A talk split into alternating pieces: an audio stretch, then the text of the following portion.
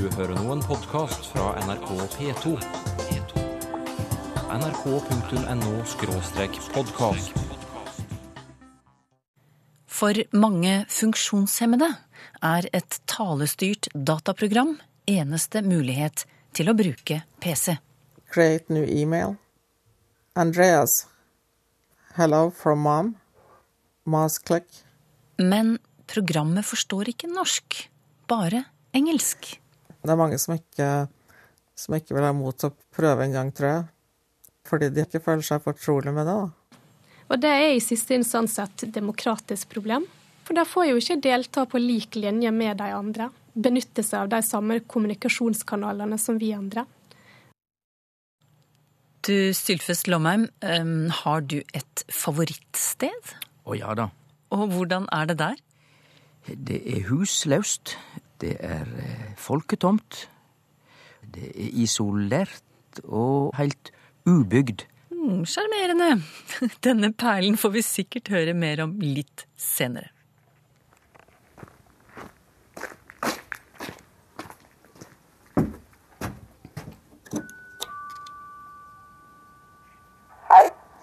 Hei, det er eh, Ann Jones fra Språkteigen. Ja, hei, det er Mosken. Bare kom inn, du. Ja, takk skal du ha. Det er bare å gå rett inn når jeg besøker Mosken Berg.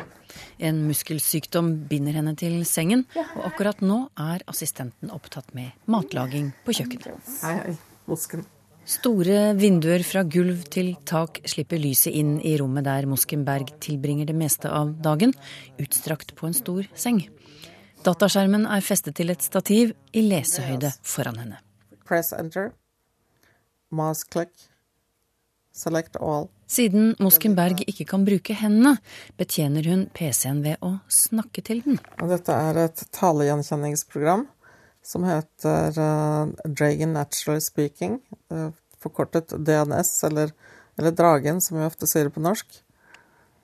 Og det gjør at eh, jeg kan navigere på PC-en og på internett med det programmet uten å bruke hender. Og jeg kan diktere tekst. Men alt er på engelsk. Dragen forstår altså ikke norsk. Da er det flaks at Mosken Berg behersker engelsk. Press enter. Go to sleep. Nå skal jeg sende en e-mail til min sønn i Trondheim. Jeg setter på meg et eh, hodesett fordi jeg bruker en mikrofon som er eh, ja, best mulig som jeg har testet ut. Eh, og så starter jeg med å si wake up. Open Microsoft Outlook. Create new email. Andreas. Press enter. Hello from mom. Hi, Andreas. Comma. New line. Du, nå avbryter jeg deg litt. Anne. Når din sønn da i Trondheim mottar denne e-posten fra deg til slutt, er den da på norsk eller engelsk? Da er den på engelsk. Så han, eh, han er jo vant til det, at jeg skriver på engelsk. Men hva, hva syns du om det? At alle dine e-poster, uansett hvor du sender dem hen, til folk du kjenner eller til eh, offentlige etater eller alt, kommer fram på engelsk? Hva syns du om det? Nei, det er ikke så veldig greit, for at uh, mange blir forvirret, og de skjønner ikke hvorfor jeg skriver på engelsk, og så, og så tenker de at de må svare på engelsk selv, og det behøver de jo ikke gjøre, for jeg kan lese fint norsk, uh, men de tror de må gjøre det, og så er de kanskje litt motvillige mot å svare i det hele tatt. Hvor mye lengre tid tror du du bruker eh, på å sende e-post eh, enn, eh, ved å måtte diktere hver en minste ting, sammenlignet med folk som kan bruke tastatur?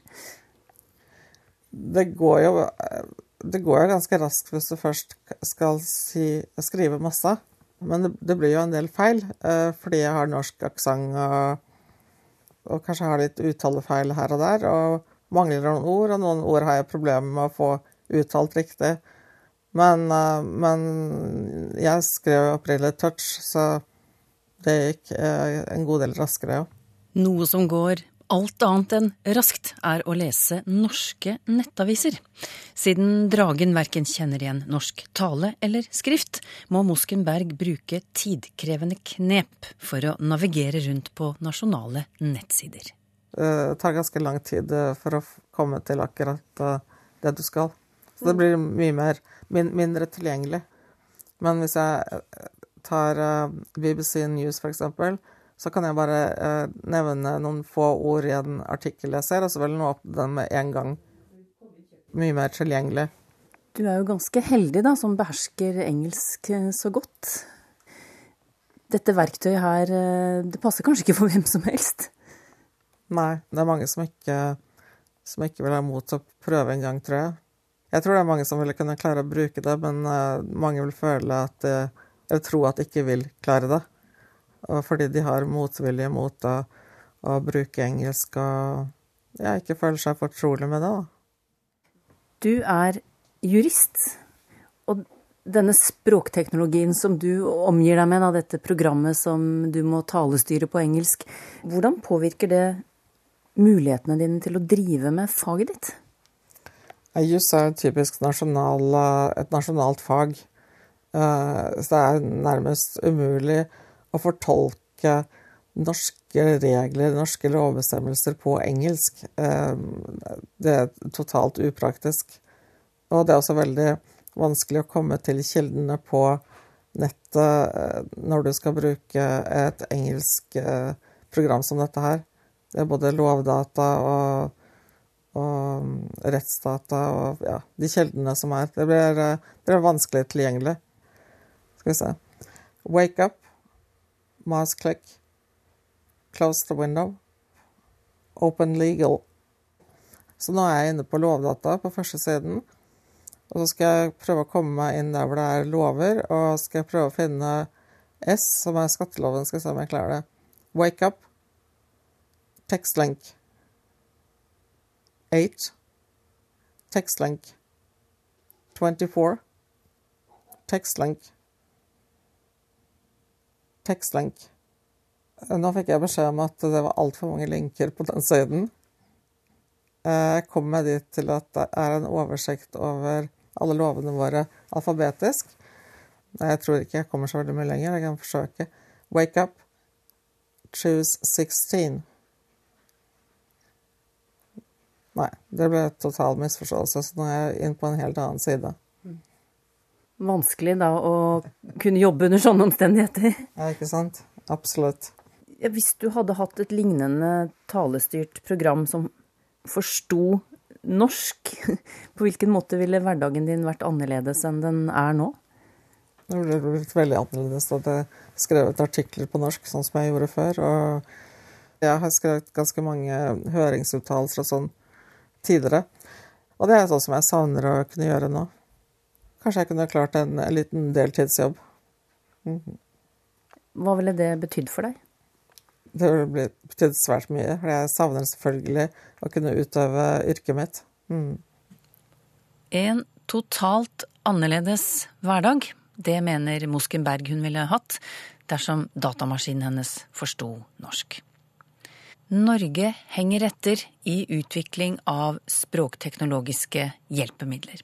Det var konklusjonen i en rapport fra Universitetet i Bergen sist høst. Språkteknologi. Det er altså ulike typer avansert programvare, som f.eks. stavekontroll, automatisk oversettelse, øyestyrt teknologi eller tale-til-tekst-teknologi, som du nettopp har hørt om. Gunn Inge Lyse, du er en av forskerne bak den nevnte rapporten. Kan du ikke forklare oss hvorfor Moskenberg ikke kan snakke norsk til datamaskinen sin?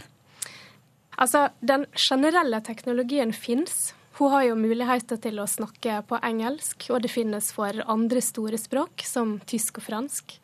Eh, men det finnes altså ikke for norsk. Og grunnen til det er i grunnen at det er utrolig kostbart og tidkrevende å bygge slike produkt. Hvis du tenker på talegjenkjenning som produktet som du skal lage, da, så vet vi på en måte hvordan vi lager den. Men problemet er at for å lage slike produkt, så trenger vi store mengder det vi kaller basisressurser. Ja, du, hva slags informasjon er det snakk om? Hva, hva er det dataprogrammet trenger for, kunne, for, at hun skal kunne snakke norsk til maskinen sin? Um, altså, en maskin er jo dum, så du må fortelle den alt. Um, og det betyr at den må vite hvilke lyder vi, vi, har i norsk, hvilke lyder vi bruker. Den må vite noe om hvordan lyder blir satt sammen til ord. uh, både uttalemessig og i skrift. Den må vite f.eks. at lyden l i ball den skal staves med to l-er. Det er ingenting sånt er gitt for maskiner. Eh, så det, det, du konkret gjør, da, det er at du må samle opp store mengder lydopptak. Og i de lydopptakene så må du ha altså enkeltlyder, ord og hele sammenhengende ytringer. Der man må ta høgde for uttalevariasjon. I norsk så elsker vi jo dialektene våre. Det er ikke mange som eh, Altså, jeg vil ikke ønske å bruke et talegjenkjenner der jeg blir tvungen til å snakke Oslo-mål. Jeg vil snakke min dialekt. Og det betyr at en, en god talegjenkjenner for norsk må ta høgde for uttalevariasjon. Lydlig sett så må systemet kunne gjenkjenne uttalen av samme ord, både uttalt av menn og kvinner, yngre og eldre. Og til slutt, som ikke det var nok, så må du ha Altså, lydopptakene bør helst ha varierende lydkvalitet. Hvis du f.eks. vil ha en talegjenkjenner som skal fungere mens du sitter i bil, så må det, den talegjenkjenneren være robust for trafikkstøy, f.eks. Sånn at en ikke tror at støyen er en del av ytringa. Du, dette høres enormt ressurskrevende ut. Har eh, det er nesten dumt å spørre hvorfor det ikke finnes, men, men, jeg må jo nesten spørre om det. Ja, nei, Det var jo litt fint å høre, for jeg tenker at kanskje det høres veldig enkelt ut. liksom, At ja, det er jo bare å ta noen lydopptak. Men eh, det er utrolig kostbart og tidkrevende. Og så er det noe slik i Norge at kommersielt så er markedet så lite. Norsk er et lite språksamfunn. Og i og med at det koster like mye å bygge en taledatabase for norsk som for engelsk, så blir ikke det så kommersielt interessant da, å satse på norsk. Hva vet du om, om behovet for et eh, norsk tale-til-tekst-dataprogram? I forbindelse med den eh, forskningsrapporten som vi skrev, så har vi vært eh, i god dialog med Språkbanken, som er den statlige eh, storsatsinga på språkteknologi. Og det de forteller, er at de får jevnlige henvendelser fra brukere som etterlyser norsk gjenkjenning. Men når det da ikke finnes et mm. slikt tilbud eller et slikt dataprogram, hvilke konsekvenser eh, får det? Det viktigste er kanskje de brukergruppene, sånn som Moskenberg eksemplifiserer, der de faktisk trenger denne teknologien. Vi tenker kanskje ikke over det, men vi bruker stadig mer tekst i vår kommunikasjon. Vi sender e-poster på jobb og sosialt. Vi bruker Facebook. Det er kjempepopulært. Så sosialt for dem så risikerer de å ikke bli inkludert. Og dessuten, eh, la oss si at du skal kontakte banken din, eller kanskje en etat som eh, Lånekassen eller Skatteetaten på nett. Det blir på en måte lagt opp til at vi skal basere oss på tekst. Og de mulighetene blir da sånne som Moskenberg avskåret fra. Og det er i siste instans et demokratisk problem. Hvorfor er det et demokratisk problem?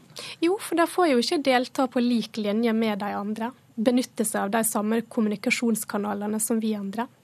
Og husk på at det er jo ikke bare de med sånne helt eh, fysiske begrensninger, men du har blinde og svaksynte, du har dyslektikere.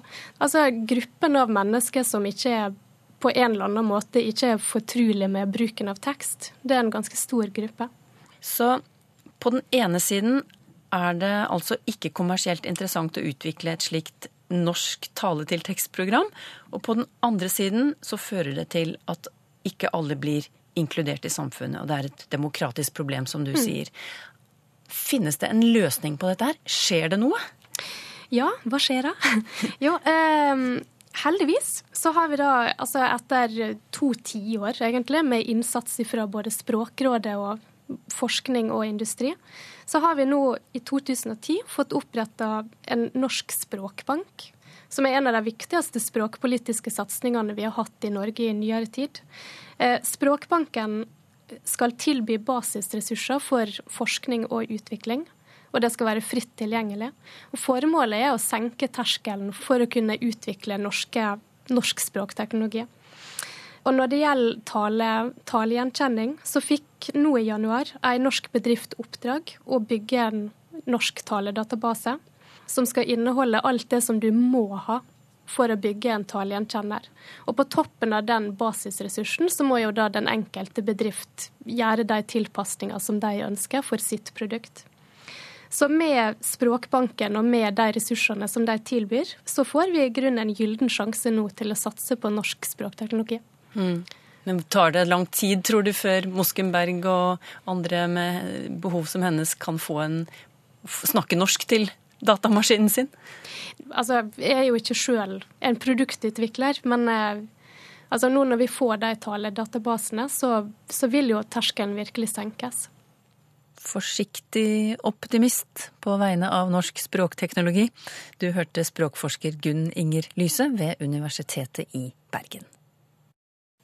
En liten historie nå fra Oddvar S. Kvam i Oslo, som skriver at de fleste vel er enige om at nynorsk er et vakkert språk, forutsatt at det brukes korrekt. Som ung jurist arbeidet jeg i Justisdepartementets navnekontor, forteller han. En dag kom det inn en søknad om skifte av etternavn. Siden søkeren skrev på nynorsk, måtte jeg svare ham på nynorsk. Jeg formulerte et utkast, blant annet skrev jeg at ein bed om at søkjaren legg ved vandelsattest. Men ordet vandelsattest skurret litt i ørene mine, så jeg slo opp i en ordbok. Der fant jeg begrepet vondul, som hørtes ganske tilforlatelig ut, særlig da det i parentes sto høyvisk. Så jeg rettet vandelsattest til vondulsattest og la brevet klart til utsendelse. Nå hadde det seg slik at byråsjefen var en virkelig nynorskkjenner. Han så over brevet og lo hjertelig. Vondul, sa han, eller høyvisk, om du vil. Det er det samme som høydott. Brevet ble selvsagt rettet umiddelbart. Takk skal du ha, Oddvar S. Kam, for den historien. Og du får en liten påskjønnelse i posten fra oss. Tid for lytterspørsmål, Sylfest Lomheim. Først ett fra Twitter. Der spør Joakim Hundnes om det finnes et nynorsk ord for ubebodd. Å ja da, det finnes mange. Men vi kan jo si at det er det er huslaust. Øya er huslaus, for eksempel. Da står det ikke hus der. Vi kan snakke om at det er eh, folketomt. Og vi kan si at eh, det er isolert, og også at det er heilt ubygd. En ubygd stad, da bor det ikke folk der. Så egentlig er det ei heil rekkje med ord og uttrykk i nynorsk for ubebodd. Og det finst også flere uttrykk på bokmål som tyder om lag det samme som ubebodd. En e-post nå fra Helge Garli. Mange politikere bruker uttrykket 'blåst ut av alle proporsjoner'. Er dette riktig bruk av uttrykket, spør han. Nei. Dette er sammenblanding av eh, ja, to uttrykk, får vi vel si. Å blåse ut er jo det vi gjør om et lys, for eksempel. Vi blåser ut lyset. Men det vi gjør om ting som blir veldig svære, er ikke at vi blåser dem ut, men at vi blåser opp. For å blåse opp betyr å forstørre, eh, gjerne å overdrive. Og så uh, ute av alle proporsjoner, det er når noe er ute av en proporsjon, da er det så stort at det liksom ikke ligner på noe lenger.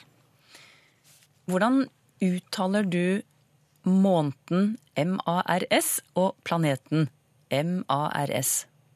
Da blir mitt svar at min uttale er lik når det gjelder begge de to. ordene. Jeg sier i mars måned og planeten Mars. Mm.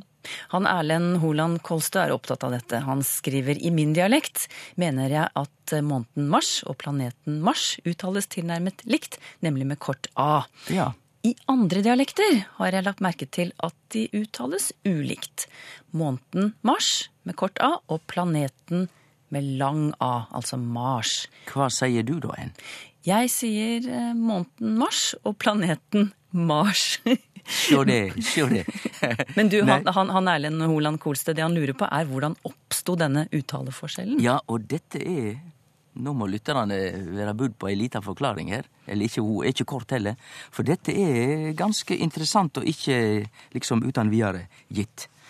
Eh, vi har altså det forholdet at på norsk så skriver vi månaden Mars og eh, planeten Mars med samme bokstavene. Og mange nordmenn uttaler det også likt, og andre nordmenn ikke likt. Eh, du en er blant de som har lang A når det gjelder planeten Mars. Og da måtte jeg undersøke litt av dette her. På engelsk, det er jo Erlend eh, Holand Kolstø inne på, så skriver de faktisk disse orda ulikt. De sier månaden March og skriv det med M-A-R-C-H. Og når det gjelder planeten, så skriv det den M-A-R-S på engelsk. Og så tenkte jeg på fransk. Nei, der er det likt igjen, som på norsk. Mars og Mars. Hva er dette for noe? Også på dansk, for å ta med det også, der skriver de i god klassisk dansk måneden mars med M-A-R-T-S. Mea planeten skriver de M-A-R-S, som jo alle andre språk også gjør. Her må vi til latin. Og jeg har alltid trutt at både månaden og planeten dreier seg om den gamle romerske guden Mars. Og det er heilt rett. Men det som er det finurlige i dette her, er at eh, Mars månad bare indirekte kjem fra guden Mars. Eh, det egentlige opphavet til månadsnavnet er mensis martius på latin. Altså det er et ord som er avleid fra gudenavnet Mars. Så månadsnavnet er ikke direkte gudenavnet, rett og slett, men det er ei avleid form på latin, mensis martius. Og da har vi forklaringa på at i visse språk så skil dei faktisk i skrivemåten. I dansk og i engelsk så skriver de ikke månadsnavnet og gudenavnet på samme måte. Det gjør vi i norsk og fransk. Og dette er da også forklaringa på at det er god tradisjon i norsk for å uttale gudenavnet med lang A, Mars, men eh, månadsnavnet, som jo faktisk har egentlig et litt annet bokstavopphav i latin, det blir uttalt med, med kortvokal, Mars, og på dansk altså skrevet med TS. Så så pass innfløkt er denne saken. Og så er det spørsmål. Da vil du enn og andre spørre ja vel, Lomheim, hva mener du vi skal seie i dagens norsk? Da er mitt svar at eh, jeg mener vi bør godta både eh, Mars likt uttalt i begge tilfeller, og sjølvsagt også det som er historisk eh, i hermetegn rettast, nemlig Mars om planeten og Mars om månaden. Og den gode Bjarne Bervelsen i si uttaleordbok ifra 1969, han fører faktisk opp berre som korrekt uttale og skilja mellom dei to med lang A for gudenavnet og planeten, og kort A når det gjelder uttalen av måneden. Hei, Språkteigen, skriver Vegard Lund i Bergen. Jeg satt her og skulle skrive en innbydelse da jeg begynte å tenke nøyere over hvordan jeg formulerte meg. Heter det 'Jeg ønsker dere hjertelig velkomne'? Eller er det ok å skrive 'Jeg ønsker dere hjertelig velkommen'? Hva er svaret? Ja, og det er ikke rart at mange lurer på dette. For når mange lurer på noe, så er det gjerne slik at begge deler er rett og det er det i dette tilfellet. Du kan ønske velkommen sjøl om du venner deg til flere, men du kan da også si velkomne, at det er velkomne. Så både eintall og fleirtall er rett sjøl om du venner deg til ei gruppe med personer. På Facebook skriver Ingrid Sørgaard. Kan dere si noe om E? Altså bokstaven E, i sammensatte ord. For meg er det galt å si seilebåt, bløtkake og sykemelding, men det er rett å si badevann, steikepanne og dansesko. Ja, er det noen kjøreregler her, Sylfest? Nei, dette kunne jeg ha snakka lenge og vel om, og vi har ikke uventa hatt det i Språkteigen før. Men det korte svaret er at når det gjelder bruk av e eller ikke e mellom to ord i norsk som er sett sammen, så finst det ingen eh, skikkelig regel som dekker fullt ut eh, dette feltet, slik at vi kan lære en regel, og så, og så bruke den. Så det korte svaret er er du usikker på om det skal være e eller ikke, så må du rett og slett slå opp i ordboka. Men er du oppvaksen i Norge, så vil du i de fleste, ikke alle, men i de aller fleste tilfeller, så vil du høre ut fra språkkjensla di, og den bygger på det du liksom er vant til å høre, så vil du høre hva, hva som er rett. Men eh, når det gjelder Så vi veit det heiter bløtkake uten e, men kransekake med e. Vi veit at det heiter badevatn og ikke badvatn. Når det gjelder sykemelding, så vil det nok være eh, begge deler. Sykemelding er faktisk, eh, mener jeg, det vanligste vi er. Men der ser vi hvor, hvor vanskelig dette er, så svaret er slå opp når du er usikker. Det er ikke anna god oppskrift. I Språktegn i dag har du annet hørt at vi mangler et norsk talegjenkjenningssystem. Et system som gjør at du kan betjene PC-en din ved å snakke til den i stedet for å bruke tastatur. Men nå skjer det noe. Arbeidet med å bygge opp en norsk taledatabase har akkurat begynt. Og hvilke spesielle utfordringer kan det by på? Språkteigen om en uke.